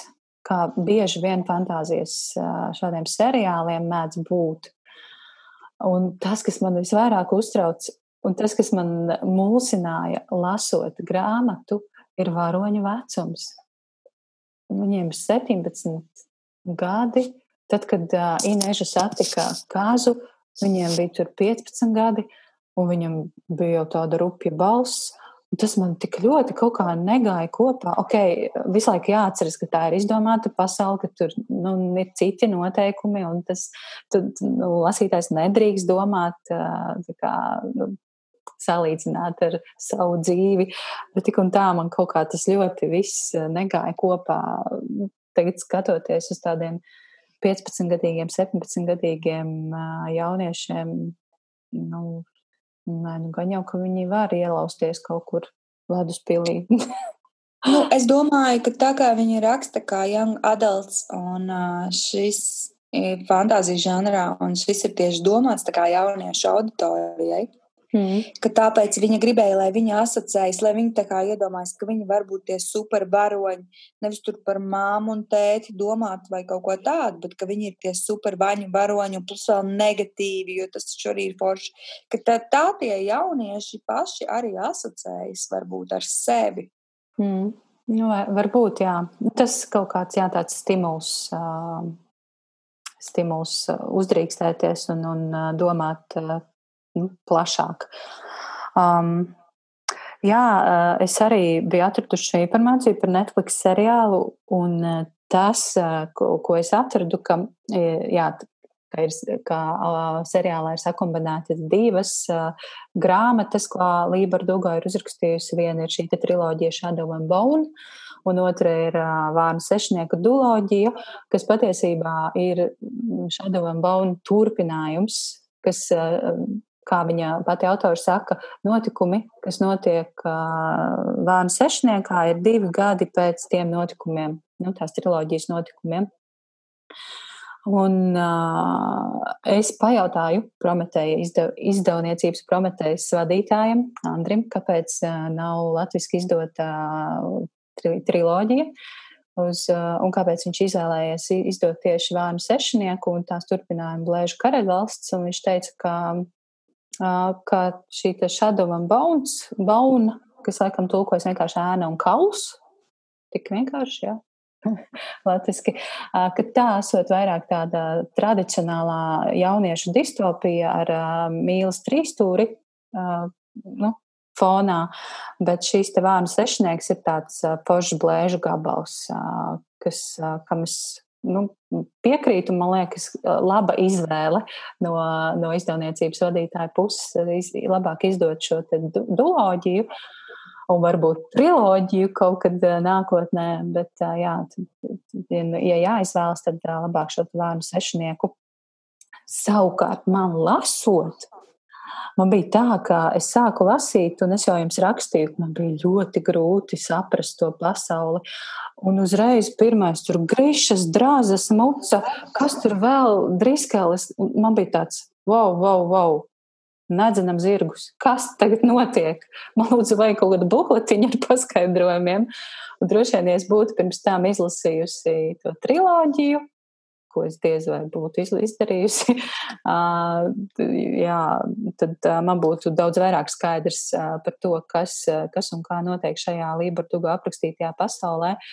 Bet nu, to es nebiju izdarījusi, un, un tad bija jāķer, jāķer, jāatver viss, tā teikt, lasīšanas gaitā. Un nebija viegli sākumā. Pirmā trešdaļa tiešām man gāja ļoti grūti. Es peldēju prom savās domās, aizpeldēju kaut kur pilnīgi uh, nespējot koncentrēties stāstam.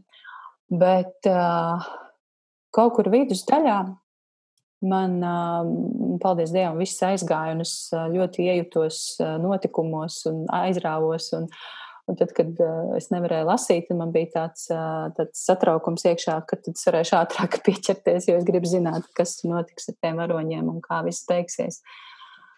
Nu, tā kaut kā Zani, kā tev gāja ar lasīšanu, un uh, ko tu, ko tu, uh, tu palasīji atsauksmes, ko tu uzzināji, palasot atsauksmes, citu lasītāju atsauksmes?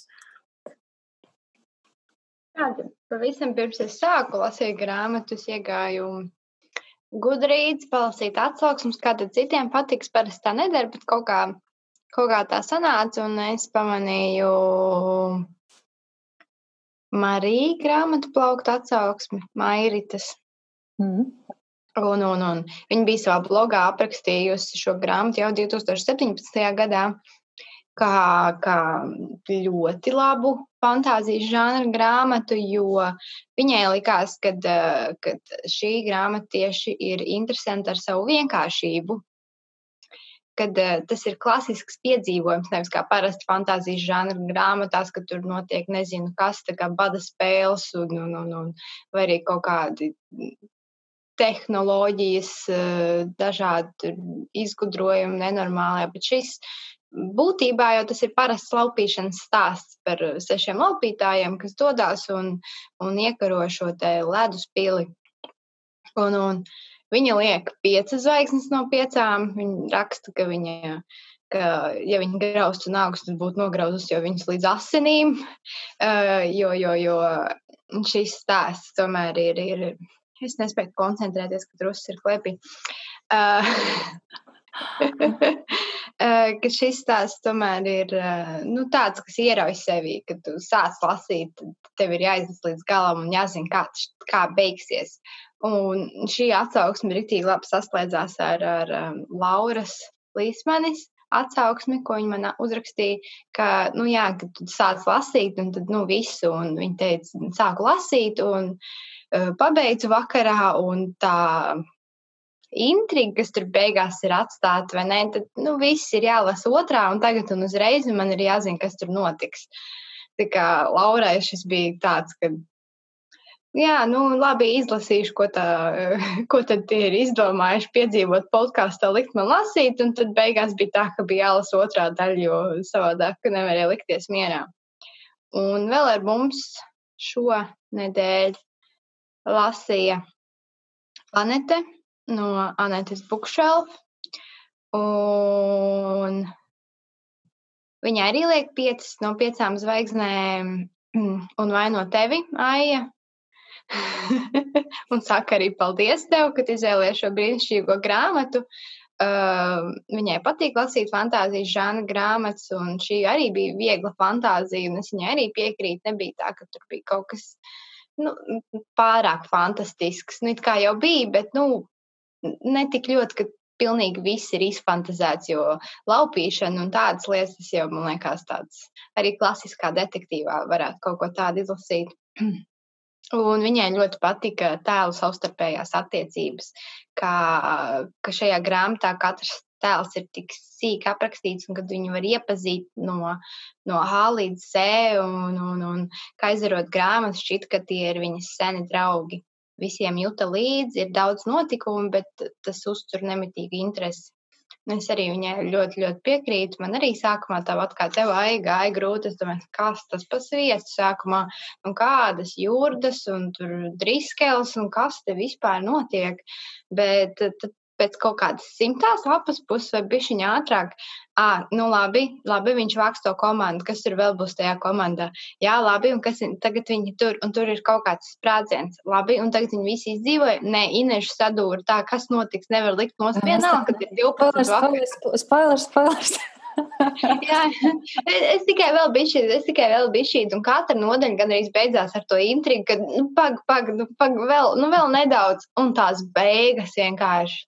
Tagad, nu, viss, nu, viņi ir nolaupīti, nu, man ir jāzina. Protams, ka viss atrisināsies un tā tālāk, bet es arī noteikti rudenī ņemšu otro grāmatu un lasīšu, un es vienkārši gribu zināt, kā šis beigsies. Mm, bet, ja autori sola trešo grāmatu, turbūt arī otrajā nekas nebeigsies. Vai ne? Tagad es nedzird, nebiju dzirdējis par to, ka būs vēl trešā grāmata, tāpēc, tāpēc tagad man vēl lasīt, man, man būs intriga, un tagad man būs divi, trīs gadi jāgaida, kamēr es tikšu līdz nākamajai grāmatai. Tad būs tāds.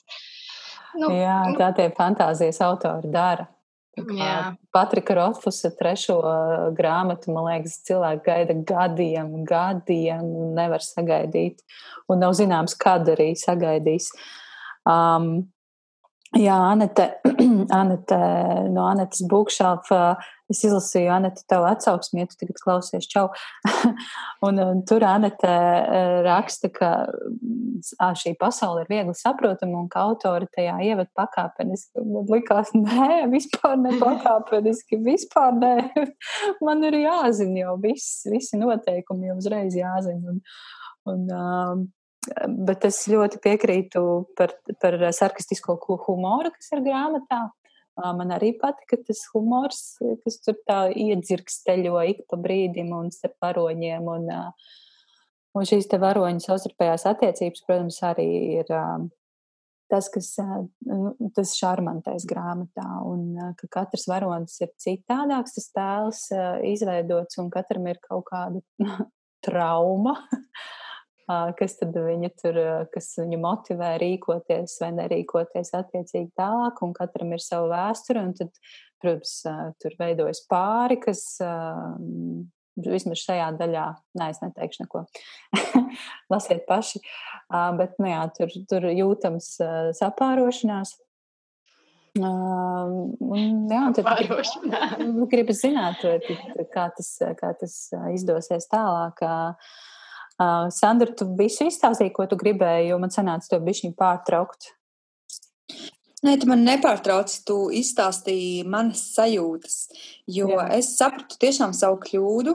Man bija jāsaprot, ka uh, vismaz laikam jāiepazīstās un noteikti internetā var atrast uh, šī Grishavers uh, nozīmes.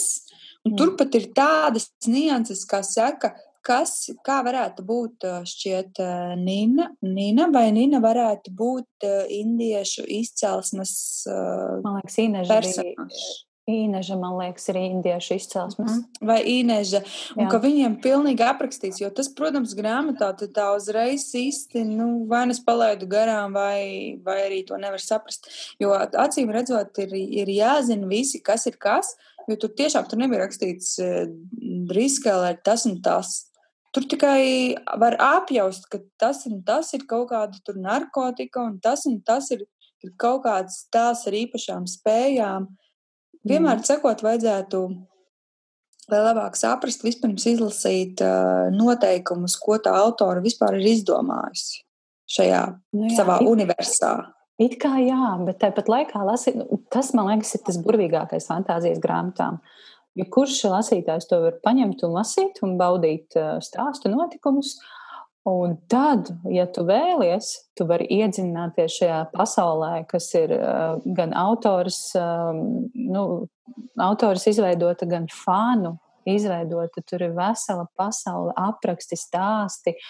Un tad tie fani raksta vēl kaut kādus paralēlos stāstus un versijas. Un, nu, tur nu, fantāzijas darbiem, romāniem tas, tas, ir, tas ir tas atšķirīgais, ar ko, ar ko šī, šis žanrs atšķiras no nu, grāmatām. Nē, nedrīkst teikt parastām, bet nu, jā, nu, no romāniem un, un uh, stāstiem ierastajiem. Um, Jā, par laupītāju. Zana, tu minēji, par, par, ka, ka tas ir tāds klasisks laupītāju stāsts. Man bija interesanti dzirdēt, ko, kā, ko stāsta pati autore Lība Dugo, kā viņa ir guvusi ideju šai grāmatai, ka viņa ir braukusi Losandželosā pa ielu. Savā automašīnā brauks un ieraudzījusi filmas plakātu. Uz tā plakāta bija Džordžs Klūnijs un Mets Daimons, un viņa kaut kādu filmu tur, nu, tika reklamēta filma. Uh, Un, uh, tas plakāts ir bijis diezgan slikts, bet uh, tādēļ viņi atcerējusies kādu citu filmu, kur ir Mets Dēmons un, un Klūnijas, un tas ir tā ir Ocean banda. Un tas esot bijis kā iedvesmas avots tieši šī bērnu sešniekam. Viņi iedomājusies, oh, es varētu šo, šo nu, stāstu, šo motīvu pārcelt tajā viņas fantāzijas, radītajā fantāzijas pasaulē un, nu, tā, tas arī ir. Tas vārnu sešnieks, tie ir seši uh, savākušies seši cilvēki tādā bandā, katram tur ir sava loma. Viens ir uh, schēmotājs. Man ļoti patīk tās vietas, uh, kur, kur uh, pārējie varoņi iesmēja, ka kazam galveno varoni sauc kas, ir ieslēgusies schēmotāja seja. Es tā vienmēr pie sevis nosmīnēju, jo es par savu brāli smējos, ka viņš dažreiz tā apsēžas un es redzu, ka viņš domā tagad kaut ko ļoti. Viņš tagad kaut ko schēmo. Nu jā, Nu, lūk, un uh, tad tur ir uh, Ineža, kas ir rēks, kas noklausās visus noslēpumus ir, un ir nemanām, un viņi spēj pārvietoties ļoti viegli un ātri, un tā, ka citi nejūt viņas klātbūtni. Un, attiecīgi, visiem pārējiem, arī četriem varoņiem, ir sava loma, sava nozīme tam, lai tas galvenais uzdevums konkrēti uh, ielaušanās ledus galmā tiktu izdarīts un, un tad, jā, gala misija tiktu paveikta. Uh, nu jā, tā kā ja lasītāji, kas vēl nav lasījuši vārnu sešnieku, vēlas uh, kaut ko līdzīgu Ocean bandas uh, filmām uh, lasīt fantāzijas mērķē, tad droši var ķerties šim stāstam klāt. Un, uh, es domāju, ka ja pirms tam vēl izglīt, izglītosieties un painteresēsieties, ko tad Libra Dugo, kādu pasauli radījusi, tad būs ļoti, ļoti interesanti. Kā jums, ko jūs domājat par galvenajiem varoņiem? Man patika, ka, ka katram no šiem sešiem tēliem ir tiešām jūtama tā viņa lomas, viņa uzdevums, un arī katram ir savs raksturs. Kurš no varoņiem jums patika vislabāk? Man vislabāk patika. Šis būs diezgan negaidīti, bet man vislabāk patika Jaspers, jo viņš bija tik mežonīgs un tā kā, un tā kā pat dumšs sākumā tāds tradicionālais laupītāju varonis, kad es māku šaudīties ar pistolēm un, un, un, un, un tas ir viss arī, ko es māku, man nemaz neko citu nevajag, man rekur pistola un es šauju un esmu ritīgi brutāls, un tad beigās neizrādās, kad viņam ir tik maiga dvēsele un kad un viņa mīlas stāsts šajā grāmatā, tas vienkārši man bija tāds šoka moments, es sākumā es pārlasījos, tā kā tu biji tā kā brutālais varonis, vai ne? Tev bija, nezinu, tur jāiekaro kaut kāda princese un tādā garā. Un, un, un tas viss atklājās, un tā kā beigās nē, viņš pilnīgi raud, ka, tas, ka viņa tā otrā puse, kas vēl nebija, nav viņa īsti otrā puse, tas tikai vēl tur droši vien ir sākums, un otrajā grāmatā tas noteikti atklāsies. Uh, ka, ka iespējams, ka viņi tur ir uzsprāgusi uz kuģa un kā viņš pārdzīvo. Un, un es domāju, ej, tu nost, kā vienkārši 456 lapas pušu laikā viens varonis var tā mainīties, ka viņš vēl joprojām ir tas brutālais kareivs, bet tajā pašā laikā ir atklājusies viņa maigā daba un, un, un cik patiesībā viņš ir sirsnīgs un, un, un arī šī, es nezinu, vai es varu teikt, Es varu sabojāt kādam to lasīšanu. Varbūt nesaka, jā, līdz Es neteikšu to, to, to mīlestības stāstu, jā, bet, bet, bet jā, nu, tieši tas, kā viņš attīstījās tās grāmatas laikā, un, un, un man patika arī Ineža ļoti, jo viņa bija tāda, nu, tā tāds Tā kā viņi arī nosauca, ka tāds zirneklis, kas visur, visur nu, man, nu, man bija grūti iztēloties, kā tas ir, kad viņi vienkārši neredzam, ka viņi var visur aizslīdēt un uzkāpt. Tad tas nozīmē, ka viņi ir tā kā, nezinu, 40 kg smaga, 1,50 m tieviņa sieviete vai, vai, vai kā. Nu, tā kā. Tāpēc arī gribētu redzēt seriālu, lai vienkārši redzētu to viņas tēlu, kā viņi izskatās, ka, kā tas ir, ka viņi vienkārši tur tā klusiņā visur ielien un visu redz un dzird, un neviens viņu nepamana. Mm. Sandra, kā tevi? Top divi. Jā, forši. Es nevaru teikt, ka man bija kaut kāds konkrēti mīļākais tās. Es visu laiku lasīju grāmatu, un es domāju, ka es gribu redzēt šo nu, uz ekrāna, jo, jo priekš manis tur par maz bija par teikts, lai es varētu saprast, ko tas nozīmē. Arī viss tā nauda un tam līdzīgi, un tā valoda. Nu, man vajag, lai parunātajā valodā kā nezinu, Game of Thrones, tur, tur tagad parunās tajā valodā un tajā valodā. Nevis vienkārši pasaka, tagad viņi runā kukuruku valodā. Nu, ko nozīmē kukuruku valoda? Ja, viņa, ja viņi nesaka, kas ir kukuruku valoda, man tas neko neizsaka. Tā prasījās un, vēl septiņas grāmatas šai. man prasījās, uh, laikam, parunāt ar autoru, lai viņa man vismaz iepazīstina ar tēliem. Pa, parāda man, uh, kāda izsās tas univers, un uh, parāda visu, kā izsās Griša un kāda izsās tas, un kas izsās tas. Un, ja viņa visu man parādīja, tad es saprastu, par ko viņa runā. Es, es ļoti gaidu, man arī interesēja, kā tu saki, kā tas neredz, tā kā iztēlojos, ka viņi tur neredzams. Nu, ir redzēts citās filmās, bet tas arī viss nāk no filmām. Laikam ir pārāk grūti iztēloties. Es varu safantazēt pati, bet ja cits apraksta fantāziju, bet tikai pusē, tad man diezgan grūti ir iztēloties. Bet man arī patīk tas mīlestības stāsts, kur viens otru tur apčakarē un tomēr mīl un nevar mīlēt un, un grib mīlēt un nevienam nesaka, ka mīl un klusībā mīl. Un tas man liekas arī bija pats. Uh, Tas bija pirmā nodaļa, likās, wow, šis būs interesanti. Tad atkal viņa pazuda, un tad atkal uz beigām aizgāja tur uh, pa karsto. Un, uh, nu, Man liekas, patīk tas mīlestības.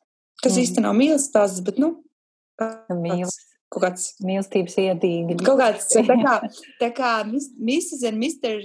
Smith vai arī kā tur bija, ka viens otru galina nost un tomēr mīl, un tad atkal galina nost un mīl. Oi, nu jā, runājot par, par mīļākajiem tēliem, man ļoti, ļoti patika Inežas tēls. Man ļoti patika viņas tas maigais spēks. Un tas, kā viņa, viņa bija ļoti, ļoti trausla, bet kā viņa spēja nolikt pie vietas to bezkaunīgo kazu, brekeru, kas, protams, ir. Nē, nu jā, nu. Uh, viņa to prata vienīgā, principā. Un tas, tas, šīs viņa attiecības arī ir ļoti, ļoti skaistas. Uh, un, lai arī tur to vispār nebija, nu, vai arī bija, tikai tas bija tik, tik ļoti tā, nu, pagaidām attālināti aprakstīts. Uh, Un runājot par pašu Kazu Brekeru, kas ir šīs grāmatas centrālais tēls, kas man likās, lasot, es nespēju ar viņu. Nu, sa, sa, nu, es nespēju viņam just līdzi, es nevaru viņu noķert. Es, nu, nu, kur ir tas brīdis, kad man, nu, viņš ir galvenais varonis, man tā kā viņam būtu jājūt līdzi, bet man visu laiku tāda tā kā antipātija noraid, nu, no, gribas noraidīt, un nē, īsti viņš nepatīk. Bet tieši tajā brīdī, kad viņš pats sāk tos savus, nu, tos savus sienas graut, kad viņas tās sienas pamazām brūk nost, grāmatas vidū un jau uz otro pusi, tad arī es sāku just simpātijas pret viņu, jo viņš beidzot sāk, nu, kā cilvēks parādīties, atklāties, nevis vienkārši bezjūtīga kaujas mašīna. Un, un tieši tāpēc viņa dēļ, kā, kas vēl viņā atklāsies un kāds viņš būs otrajā, otrajā grāmatas daļā, es gribētu izlasīt arī Lēmu sešnieku turpinājumu Blēžu karaļu valsts. Um, nu, Kā, ko jūs domājat? Jūs lasīsiet turpinājumu? Es gaidīšu, ka seriāls. Sandra gaidīs seriālu kā vizuāliķa, kā vizuāls, vizuālā baudītā, baudītāja. Bet, Zana, ko tu? Es noteikti lasīšu, jā, es ceru, ka jau rudenī, ja tas būs iespējams. bet, bet uh, es noteikti gribu izlasīt. Man arī gribēja pateikt, ka um, Anetei Instagram bija tā bilde ar angļu valodā tām grāmatām un tie vāki. Prometēm mm -hmm. arī, protams, ļoti skaisti, bet man vienkārši patīk visi šitie to klasisko grāmatu, kas ir nu, bestselleri un tā tālāk, tie vāki, ej, tu nost vienkārši nu, tik skaisti, ka tu gribi viņu savā plauktā tikai dēļ tā vāka. Tu jau esi izlasījis nekādu tādu baigā jēgu, no viņas nebūtu, tīpaši, ja tev būtu jau latviski, ne, bet tas vāks vienkārši, es nevaru. Tas tāpat kā Harijam Poteram, man arī liekas, ir tā sērija angliski, nu, ak, Dievs, nu, tik skaisti tie vāki vienkārši. Mm. Bet es esmu pamanījis, ka uh, es sekoju citiem Instagramā līdzi, kas tieši lasa tikai uh, fantasy stilu. Un uh, tas angļu valodā fantāzijas grāmatas, viņas ir nu, vienkārši kosmos. Viņas ir tādas, ka tu pa, pa krāsiņām vari salikt. Nu, mm. Labi, es nelasu tā īpaši fantāzijas, bet, teiksim, ja tu viņas tur lasi, nu, simts grāmatas gadā, viņas pa krāsiņām, pa visu kaut ko saliktas. Nu, labi. Uh, kam tad mēs iesakām izlasīt Liberu Tugo vārnu sešnieku? Kas būs tie laimīgie lasītāji? Noteikti, ka fantāzijas žanra cienītāji spēs novērtēt šo pasauli. Es domāju, tie, kas, tie, kas lasa fantāziju, tad ar prieku izlasīs arī šo grāmatu, ja vēl nav lasījuši. Es domāju, arī jaunieši, tie, kas, un, kas lasa young adult, arī pieaugušie, kas lasa young adult žanru, ļoti novērtēs. Un, tiešām tie, kas arī tā kā es, kas skatās vairāk arī pa televizoru, um, fantāzijas žanru, tas pats Game of Thrones, kuriem patīk, vai, vai nu, tādas uh, filmas vai grāmatas noteikti novērtēs. Mm. Zana? Um, es piekrītu jums, ka noteikti fantāzijas žanra cienītājiem, bet es lasu diezgan maz fantāzijas žanra grāmatas, kaut vai man patīk. Es nezinu, kā tā ir sakrita. Bet, bet noteikti tiem, kas savā laikā lasīja bada spēles vai krēslu, un šis ir tā kā savādāka, savādāk koncepti, kā, bet nu, doma jau ir diezgan līdzīga. Ir mīlestības, ir, ir, ir fantāzija, ir kaut kāda savādāka pasaule, kurā, kurā pazust grāmatas lapas pusēs un arī ātri lasās, manuprāt. Un tāds diezgan veiksmīgs gabals, ko, ko paņemt no bibliotekas vai nopirkt. Un, tāds, kur tev gribēsies izlasīt arī otro daļu. Nevis, ka tu reiz paņem grāmatu, un, un, un nu, jā, nu, varbūt kādreiz otro daļu, bet šis noteikti ir tas, kur gribēs izlasīt otro daļu. Es jums Sandru, Sandru grib seriālu. bet es arī gribu seriālu. Es nezinu, ka es, es viņu skatīšos, jo es neskatos neko vispār, izņemot kobru. Un un Kobra ir mans mīļākais seriāls, un patiesībā vienīgais, ko es skatos jau kaut kādus pats gadus, man liekas. Un kopš citu šajā sākuma. grāmatā ir arī ātri tanki. Jā, kobras cienīgi skati un, un kā jā. Mm. Nu jā, nu šajā grāmatā ir daudz kas viss un daudz kas, un tur ir intrigas un tādas intrigas, kas, kas nāk kā pārsteigums, jo kas brekers prot aptīt pirkstu tik vienu, un, un viņš savu plānu neatklāja nevienam no komandas biedriem līdz galam. Tas ir tas, tā ir tā viena no interesantākajām lietām. Liekas, ka tagad notiks tā, bet kas jau ir izdomājis trīs soļus uz priekšu un noteikti pavisam citādāk. Nu jā, tā kā blēžu gabals, fantāzija, mazliet mīlestības, lūk, tas viss, ja jūs interesē, tad meklējiet Lību Dugo vārnu sešnieku. Nu ko, bet ko mēs lasīsim septembrī? Sandra. Mēneša grāmatā.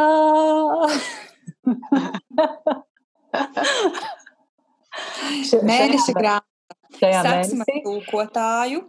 Jā, labi. Septembris, septembris mums ieskanās ar rudeni, tādām varbūt jau tumšākām noskaņām.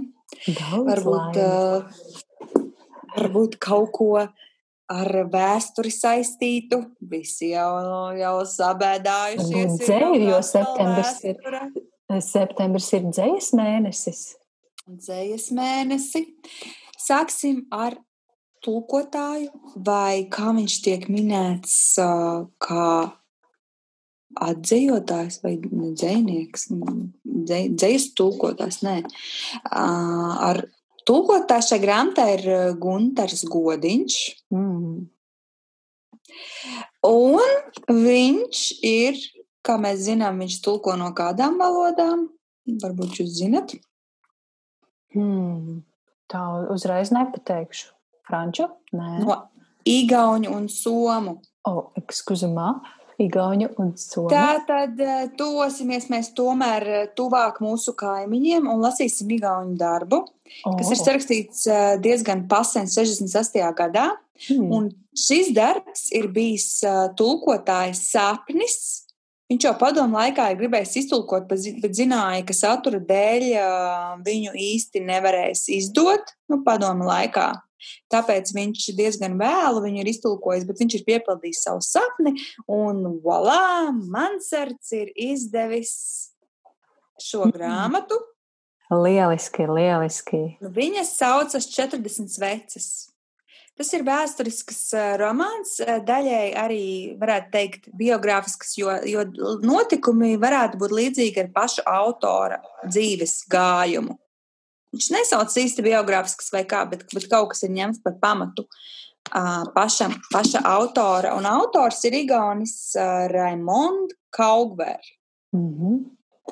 Super. Šeit nav tulkots īsti latviešu. Viņš tulkotājs nav izmantojis viņu vārdu kā Raimons Kaugvers, bet arī viņš palicis ir kā Raimonds Kaugvers. Mm -hmm. Un um, es domāju, ka šī varētu būt interesanta grāmata. Um, Mansardā, šķiet, viņu nopirka Jāņa Rozes grāmatnīcā. Viņa bija pavisam, pavisam nocenota uz kādiem diviem eiro. Bet es tikko šodien apskatījos, viņa ir arī trīs tēva dēlos. Tātad, oh. ja jūs vairs nevarat atrast viņu Jāņa Rozes grāmatnīcās, tad droši dodieties uz brīnišķīgo grāmatu glabātuvi. glabātuvi. Šķiet, tas ir tiešām lielisks projekts, trīs tēva dēli, un varat droši lasīt tur.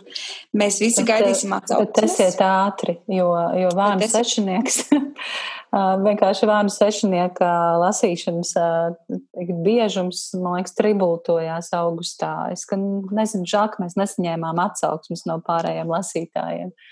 Tā kā, jā, ja gribat lasīt 40 sveces trīs tēva dēlos, tad ņemiet jau šodien to grāmatu.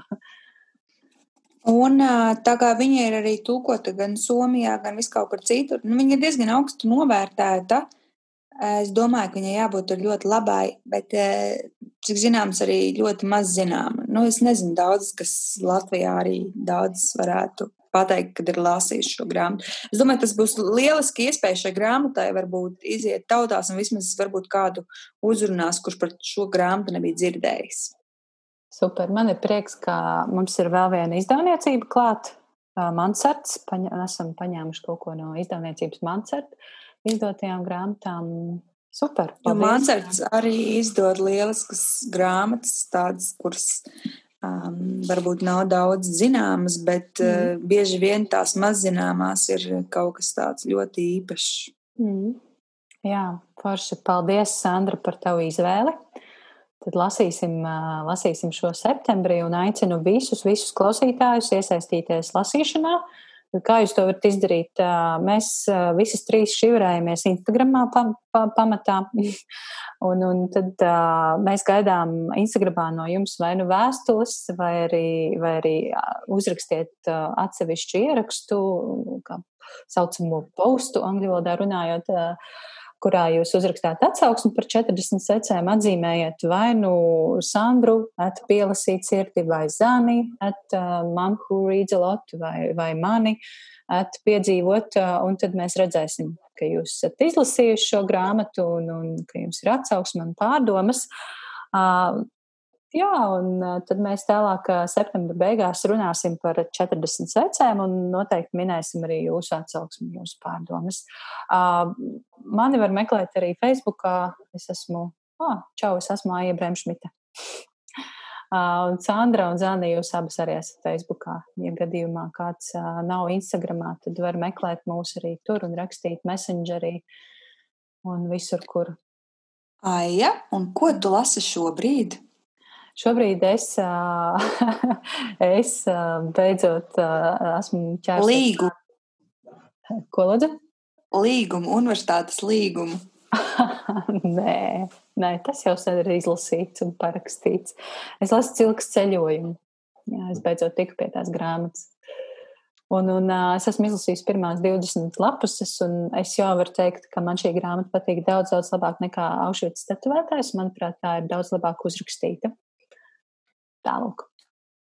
Nu, brīnišķīgs tev ceļojums tajā grāmatā. Brīnišķīga grāmata. Es pašlaik lasu, es esmu erotiskā ceļojumā. Uh, es kopā ar Anēju Strunīnu. Mēs no, nojautām no sarunas sākuma jau. jā, es esmu jā, erotiskā ceļojumā. Anēja Strunīna ir ievilkusi manā savā fantāzijā. Varbūt arī kaut ko no dzīves pieredzētā. Šis gan nav viņas dienas grāmatas, bet mazie stāstiņi, ko viņa kādreiz pelnīja naudu, pārdodot viņas eh, nezināmam kolekcionāram, kurš pirka viņas tā stāstus, tādas uh, seksuālās fantāzijas un, un tādas stāstus. Viņi sauc tā kā The, the, the Veiled Woman, tā kā, Zene, tu labāk var pateikt aizplīvurotā sieviete, plīvurotā sieviete, sieviete ar plīvu, aizplīvura. Mm. Apmēram, tā kā noslēptā, nē, bet. Aizsaktā sieviete. Jā piesegusies. Zani, kādos ceļojumos esi tu iegājusi? Jā. Es esmu iegājusi ceļojumā ar grāmatu, kas ir ļoti, ļoti populāra. Un Traki bagāti azijāti. Visi viņu meklēja un gribēja nopirkt, un tad zvaigznā ABC izdomāja, ka viņi izdos viņu vēlreiz. Kas tā pa grāmatu?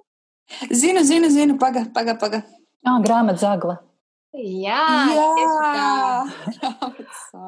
un tāpēc es beidzot tiku pie šīs grāmatas. Es esmu iesākusi lasīt, pagaidām man patīk tā viss tā saudabīgi.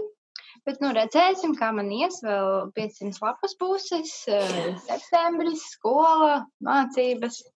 Nu, es ceru, ka es vismaz šito grāmatu izlasīšu. Un 40 reizes, divas. divas un 42, pareizi, pareizi. Pareiz. Man ir vēl milzīga čupa, bet nu, vismaz divas. jā, jā, un skaisti. Es piekdien biju bibliotekā, kur mums nu, mēneša pēdējā piekdienā ir jāpierakstās pie jaunākajām grāmatām rindā. Un es pierakstījos tikai pie divām grāmatām. Es esmu tik lepna. Kādām? Es pierakstījos pie aziātiem un pie Un pie, un pie tās grāmatas, ko izdeva izdevniecība Jūmava, par kuru tu man rakstīji, tas uh, dzeltenais vāks ar uh, sarkano kleitu virsū. Kaut kāds dviņu, dvēseles dzelmē, bet pie šīm divām uh, Sandra neviebies. Viss kārtībā. Viss būs labi. Var arī nelasīt, ja nav labi. Nē, bet es nepierakstījos, piemēram, pie mazajiem mīlīšiem, jo man likās, ka tas galīgi nebūs man. Es izlasīju jūsu atsauksmes, Sandrē bija atsauksme. Jā, es arī izlasīju, nepierakstījos vakar bibliotekā, tāpēc es sākumā gribēju lasīt, bet nu tā. Uz zemes savu gadu varētu. Šausmu filmas, tas ir jāskatās, un viņa būs filmēs, viņa gribētu redzēt, jo šeit prasījās skaņu efektus. Ar skaņu efektiem var vēl vairāk nobīties. Grāmatā nav tik bailīgi.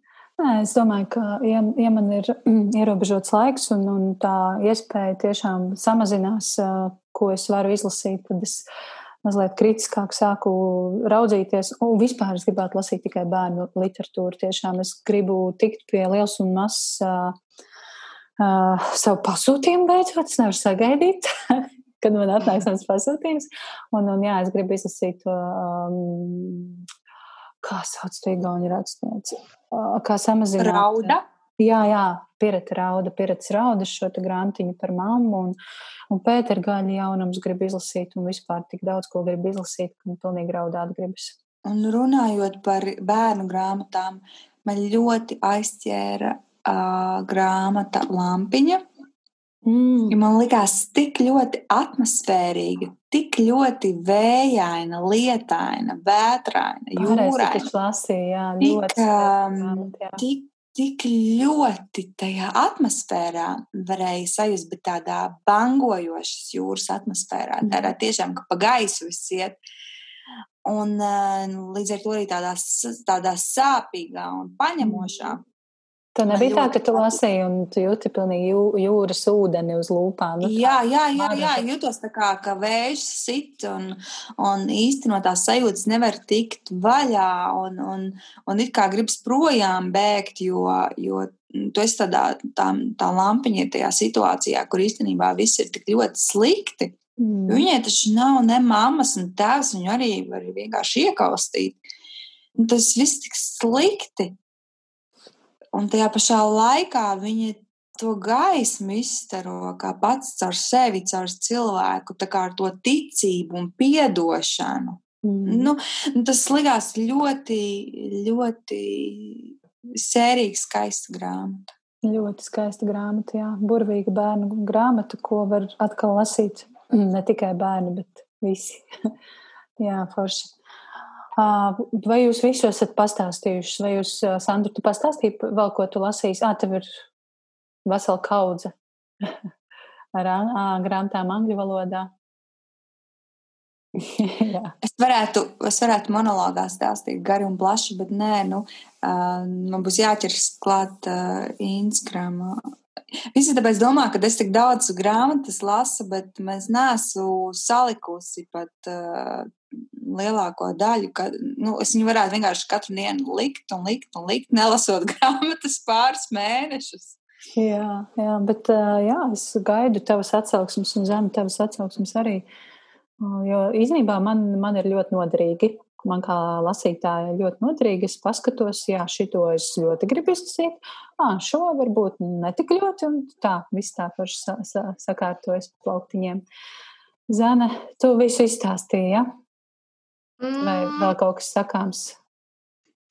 Ko es domāju, ka es visu izstāstīju. Septembrī nu, gribu pievērsties vairāk grāmatām par bērniem, nevis bērnu grāmatām, bet par bērniem. Mm. Bērna... Noskatījos zvaigznā ABC vienu grāmatu, aizmirsu, kā tā jaunā vai ne? Ko domā Jā. bērni?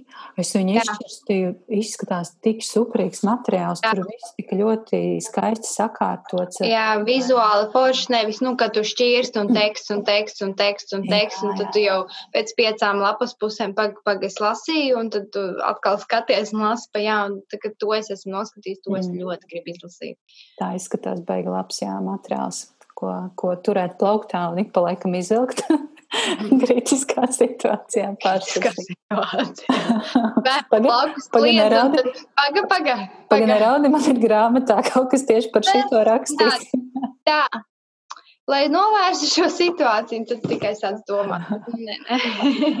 Labi, Klau, paldies jums par šo sarunu un paldies visiem klausītājiem, ka, ka esat noklausījušies līdz galam.